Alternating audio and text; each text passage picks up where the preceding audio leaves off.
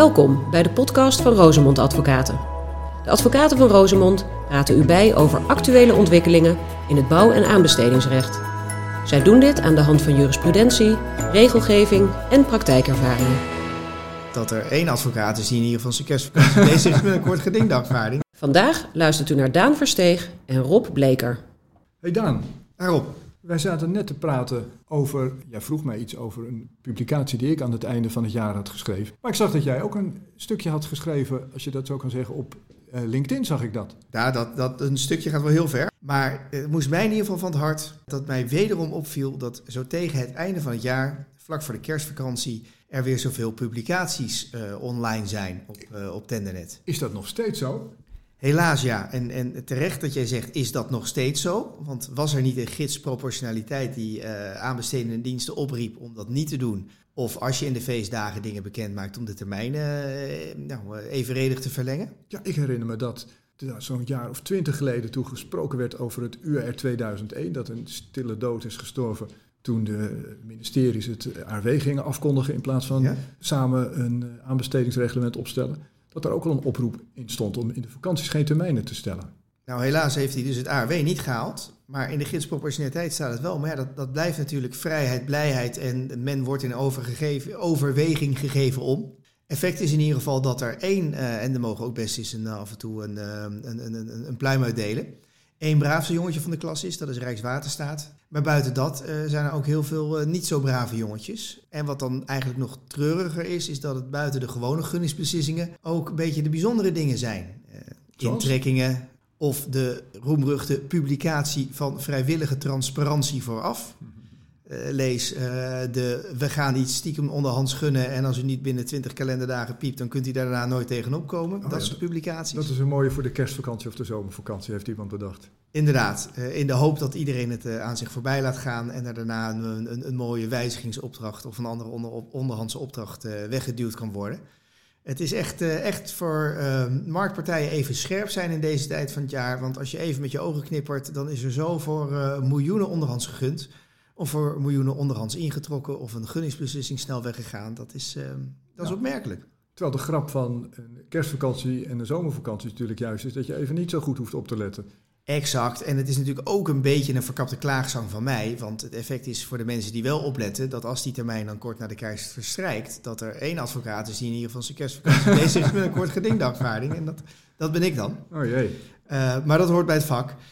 Eh, zonder dolle. eh, het, is, eh, het, het is opmerkelijk. En het is ook altijd even iets om scherp te zijn. En dat is eigenlijk de reden dat ik even met jou nog ook even alle luisteraars wilde wijzen op de termijnen die we ook alweer hebben in het, eh, in het aanbestedingsrecht. Omdat ze nog wel eens door elkaar heen lopen en nog wel eens voor verwarring zaaien. En Wat kun je daaraan doen? Nou, wat je er vaak aan kan doen, vaak is het enige wat je eraan kan doen, is dagvaarden. Maar zelfs dat is niet altijd zeker welke dagvaarding op welk moment. Want het scheelt nogal eh, afhankelijk van de aankondiging of je een kort geding of een bodemdagvaarding moet uitbrengen. Of dat je er verstandig aan doet om allebei te doen. Ja. Kun je, kun je een paar belangrijke noemen? Nou en of, nou en of. Om, om te beginnen met natuurlijk de allerbelangrijkste, eh, of de meest bekende, eh, de gunningsbeslissing. Waar de aloude alcateltermijn aan gekoppeld zit. En die zie je dus in 227 lid 3 van de AMC-wet. En die kennen we allemaal, want dat is die 20 kalenderdagen. Eh, maar wat we niet weten is dat dat eigenlijk maar een, een, een termijn is met helemaal niet zoveel effect. Het, het, het is niet meer dan een enkelvoudig gebod aan alle aanbesteders. Als je een gunningsvoornemen bekend maakt, wacht 20 kalenderdagen alvorens je dat definitieve contract sluit. En mocht er dan een kort geding komen, wacht dan tot de uitspraak van de rechter in eerste instantie. Heel veel mensen denken dat dat ook een vervaltermijn is, dat er allerlei rechten eh, voorbij gaan als je die termijn niet binnen die 20 dagen benut. Dat is helemaal niet waar. Je hoeft niet te gunnen natuurlijk. Hè? A, je hoeft niet te gunnen, je kan best langer wachten. Ehm, en als iemand langer wacht, kan je daarna dus ook nog steeds een procedure starten. En B, er treedt ook zeker niet vanzelf allerlei eh, verval of verwerking van recht in. Wat is het probleem? De gemiddelde aanbesteder is natuurlijk niet gek. Die heeft in zijn stukken al lang staan dat als je binnen die 20 dagen niet dagvaart, dat niet alleen die opschortende termijn uit de wet voorbij gaat, maar dat je dan ook een contractuele vervaltermijn aangaat. Die clausules die, die vallen over elkaar heen in, ehm, in hyperbole van rechtsverwerking, zou ik bijna willen zeggen. Dat je al je rechten verwerkt om ooit nog tegen de gunningsbeslissing op te komen. Om nog iets van de hele aanbestedingsprocedure te vinden. ehm, om ook niet je, je, je bodemprocedure recht op schadevergoeding te verwerken. Ze, ze koppelen er van alles en nog wat aan. Ja. Of dat allemaal stand houdt, dat valt gelukkig maar te bezien. Ehm, maar ja, die termijn die accepteer je vaak wel. En ja, je snapt ook wel waarom je hem accepteert. In principe, die termijn volgt niet uit de wet. Maar ja, de truc is natuurlijk, er staat natuurlijk ook in dat bestek, met het doen van uw inschrijving accepteert u alle voorwaarden, waaronder dus die vervaltermijn. Maar dan kun je bij inlichtingen, als je, dat is in de periode dat je nog wel een klein beetje zit op te letten, kun je daar misschien nog wat vragen over stellen? Helpt dat een beetje? Wordt daar weer op gereageerd? Nou, mijn ervaring is dat daar wellicht op wordt gereageerd, maar niet veel meer dan de aanbesteder blijft bij het bestek. Zie bestek, zie vraag 2. Dus daar zou ik niet te veel van verwachten. Nee, ik vrees dat je je die termijn gewoon moet laten welgevallen. En dat betekent ook gelijk dat je heel scherp moet zijn. Want die opschortende termijn die uit de wet volgt, is een wettelijke termijn. En dat betekent dus ook dat de termijnenwet van toepassing is. Mocht zo'n termijn eindigen op een zondag, een eerste kerstdag, eh, noem maar op.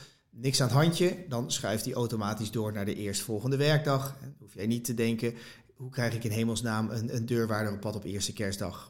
krijg je überhaupt een rechtbank zover dat je dan een dagvaarding mag betekenen. Maar de algemene termijnenwet die kent vast geen twee weken kerstvakantie of bij sommige bedrijven zelfs drie weken kerstreces. Zeker niet, inderdaad.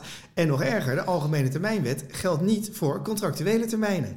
Dus als er een vervaltermijn gekoppeld is aan die alcotel, dan heb je dus wel eens de situatie dat een termijn bijvoorbeeld op een zondag eindigt, die door de termijnwet doorschiet naar maandag, maar niet die contractuele rechtsverwerkingstermijn.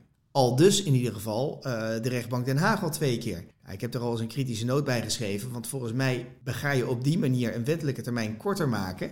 Ja. En weliswaar mag er dan nog niet gegund worden. Maar ja, wat maakt dat nog uit als iedereen al zijn rechten al verwerkt heeft? En als je dat een beetje handig plooit rond de beruchte feestdagen. Hè, denk aan dat mijnenveld van feestdagen in het voorjaar altijd.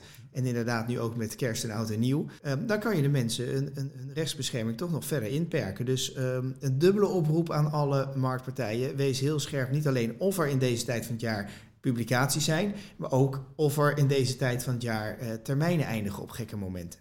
De andere termijn die ik dan nog even wil noemen, dat is uh, de termijn die geldt op het moment dat er stiekem opdrachten worden gegund. We hebben ooit uh, in 2007 een schitterende wijziging op de rechtsbeschermingsrichtlijn gehad. Is toen geïmplementeerd in de WIRA, speciale wet voorgekomen. En die is uiteindelijk weer in de aanbestedingswet beland, hoofdstuk 4.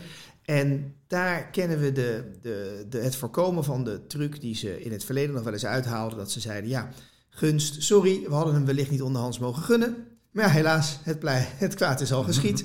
En uh, ja, gegund is gegund en dat krijg je niet zomaar, uh, zomaar meer kapot. En dan kan je allerlei jurisprudentie van stal halen over het niet nietig zijn van overeenkomsten. Maar de luisteraars moeten maar even van me aannemen dat de rechtsbescherming in Nederland op dit moment op een niveau is dat alles wat gegund is, daar kom je eigenlijk niet meer aan. Behalve dan die situatie dat iets onderhands gegund is terwijl het eigenlijk niet mocht, dan heb je nog even de tijd om een vernietigingsprocedure te starten. Ja, kijk, en dan, jij als jurist erop uh, weet dan meteen een vernietigingsprocedure, die start je natuurlijk niet in kort geding. Daarvoor moet je naar de bodemrechter. Um, maar ook daarvoor gelden termijnen.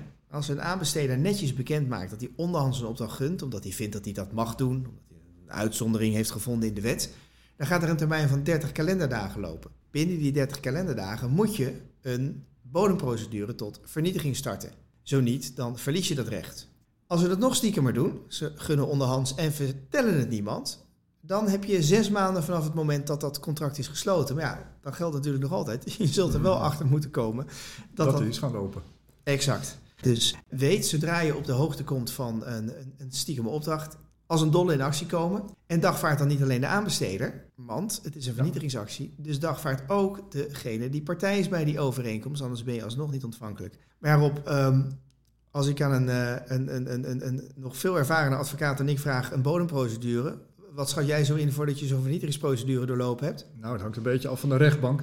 Maar uh, als je achterstevoren bekijkt, de gemiddelde rechtbank in de Randstad, die heeft toch wel een half jaar nodig voor het maken van een vonnis. En alles wat eraan vooraf gaat, zal toch ook wel zo'n uh, anderhalf jaar duren. Dus uh, binnen twee jaar gaat het de meeste niet lukken. Nou, en wat is het effect van een onderhand stiekem gegunde opdracht? Die is er die twee jaar. Die is uitgevoerd natuurlijk. Ja, dan kun je het resultaat zien. Exact. En daar zijn ook al uitspraken van dat een rechter zelf zei, nou, die had niet onderhands gegund moeten worden. Maar ja, hij is al uitgevoerd. Dus niet ontvankelijk wegens gebrek aan belang. Ja, dan kun je schadevergoeding gaan vragen. Dan ga je kijken wat de gederfde winst is. En dan kijk je naar de inschrijfstaat.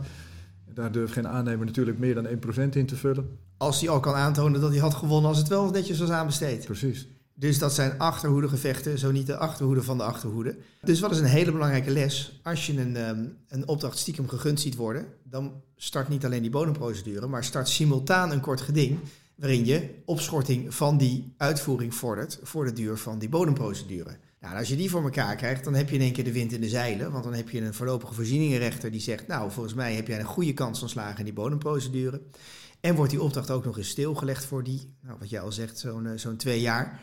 En ik denk dat de meeste aanbesteders dan wel achter hun hoofd gaan krabben en halverwege die opdracht al misschien gaan denken, zouden we niet toch eens uh, deze vroegtijdig moeten beëindigen en zoals het hoort netjes op de markt moeten zetten. Kijk, dat is nou een mooie conclusie, want ik maakte me al enige zorgen over waar in naartoe ging. Zo in, in de kerst nog een uh, somber verhaal erbij. Daar zitten de mensen natuurlijk helemaal niet op te wachten. Dus uh, kunnen we er goed nieuws van maken? We kunnen er goed nieuws van maken. Um, sterker nog, zelfs nog voor Rosemonders wat uh, ongewoon. Ook nog een hele goede tip voor de luisteraars aan de aanbestedende dienstenkant. Voorkom nou dat je in zo'n ellende terechtkomt met een, een opdracht, al dan niet na een wezenlijke wijziging of een, een direct onderhands gegunde. Maar maak nou gebruik van, ik noemde hem al, de publicatie in het kader van vrijwillige transparantie vooraf. Je kan namelijk, als je twijfelt of een opdracht wel onderhands gegund mag worden, als je twijfelt of een opdracht wel wezenlijk gewijzigd kan worden, heel netjes een formuliertje op Tendernet zetten. Geef je iedereen 20 dagen de tijd om een kort geding te starten. Nou, dan weet je A of de markt uh, hier boos van wordt en B of ze vinden dat het wel of niet rechtmatig is. En als in die 20 dagen niemand piept, mijn zegen heb je, gun die opdracht lekker onderhands en dan hoef je ook niet bang meer te zijn over een vernietigingsprocedure. Kijk aan. Dus de wereld wordt in 2020 toch een stuk beter dan die nu is. Oh Rob, ik, ik, ik verheug me nu alweer op, op een mooi jaar met aanbesteders en inschrijvers die hoffelijk en dus ook proportioneel met elkaar omgaan. Kijk, dat lijkt me een moment waar we onmiddellijk op moeten afsluiten voordat we weer op sombere gedachten komen. Helemaal goed. Uh, goede kerstdagen Rob. Jij hetzelfde en even niks doen.